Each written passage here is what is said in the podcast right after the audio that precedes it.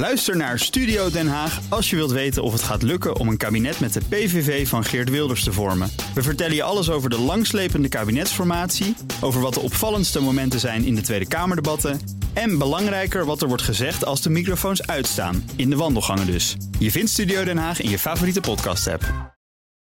Auto-update.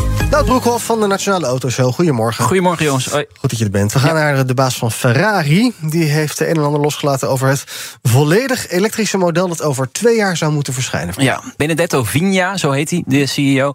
Ja, hij heeft een ritje gemaakt in het uh, prototype, vertelt hij uh, vol trots bij uh, Bloomberg. volgens hem is de elektrische Ferrari een van de meest lang verdachte producten in de autogeschiedenis. Verdacht nou, of verwachten? Nee, verwachten. Oh, ja, lang verwachten. Nee. Um, ja, dat is natuurlijk, er zit altijd bij de Italianen genoeg zelfvertrouwen in. Elektrificatie is ook niet helemaal nieuw voor Ferrari natuurlijk. Hè. Twee op de vijf voertuigen uh, was een hybride in het tweede kwartaal die ze verkochten. Dus. Maar dit is wel net even iets anders. Hè. Dus volledig elektrisch. Mm -hmm. Het wordt een echte Ferrari, uh, zegt uh, Vigna. Hij probeert zichzelf een beetje moed in te praten. Mm. Hè, want ja, daar zitten natuurlijk een hoop klanten toch een beetje aarzelend te denken van... moet ik een elektrische Ferrari gaan aanschaffen? Nou, ja. er is inmiddels een strategische leverancier voor batterijcellen geselecteerd.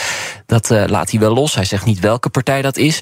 En hij zegt dat het zeer gedetailleerd ontwikkelingsproces nu uh, allemaal doorlopen wordt door Ferrari. Ze bouwen zelfs een speciale fabriek waar het model van de band gaat rollen.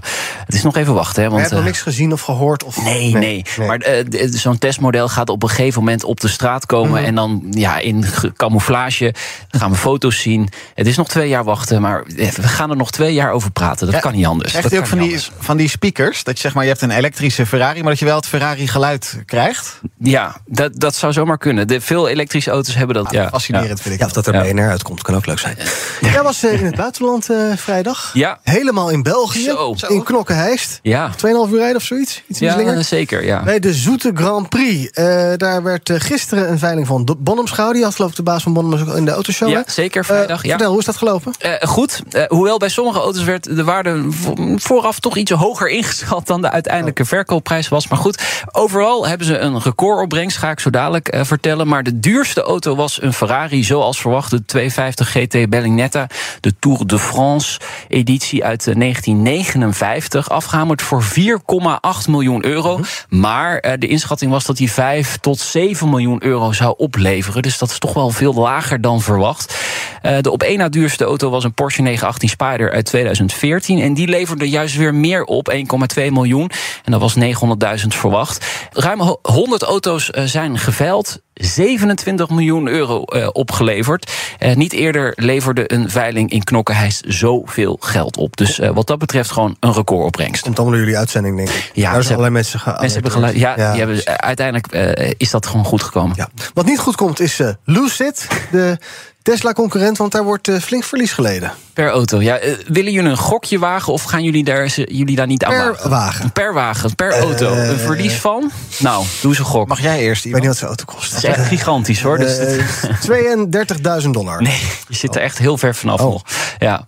Dan zeg ik 32.001 dollar. Nee, ja, dan zit je dichterbij waarschijnlijk. Factor 10, uh, 338.000 oh. dollar per auto.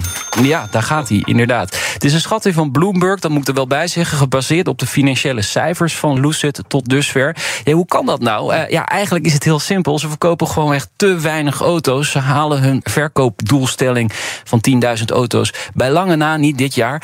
Uh, Lucid opereert ook echt in het luxe, luxe segment. Hè. Het zijn echt dure modellen. Uh, beginnen bij een ton. Uh, oh ja. 200.000 is het, is het topmodel.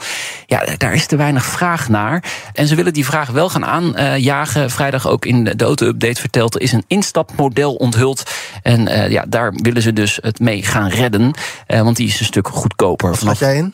Gaan ze het redden? Uh, nou ja, uh, dat gaat nog een lange weg uh, zijn. Ze hebben wel een hele sterke investeringsmaatschappij achter zich. Dat is het Saoedische staatsfonds. Dus er komt altijd wel weer geld. Ja, de oliedollars komen wel binnen. Ja. Juist. Tot slot juist. nog even naar Doha, want daar is de autobeurs van Genève geopend. Dat klinkt als een bericht wat niet klopt in één zin. Ja, Zo. Dit snap ik niet. Ja. Nee. nee, met geld is alles te koop in de wereld. En dat, dat blijkt maar weer. De autosalon van Genève is een begrip. Het is eigenlijk een van de belangrijkste autobeurzen ter wereld, maar vanwege corona meerdere jaren niet georganiseerd.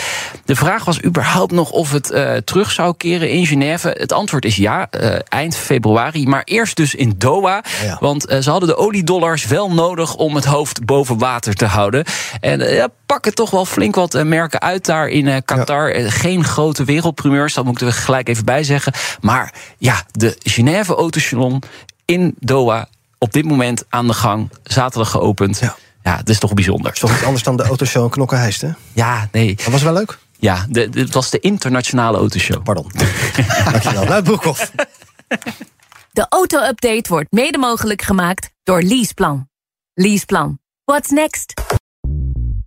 Bij BNR ben je altijd als eerste op de hoogte van het laatste nieuws. Luister dagelijks live via internet. Bas van Werven. En heel langzaam komt de zon op rond dit tijdstip. Je krijgt inzicht in de dag die komt op BNR, het Binnenhof in Nederland en de rest van de wereld. De Ochtendspits. Voor de beste start van je werkdag. Blijf scherp en mis niets.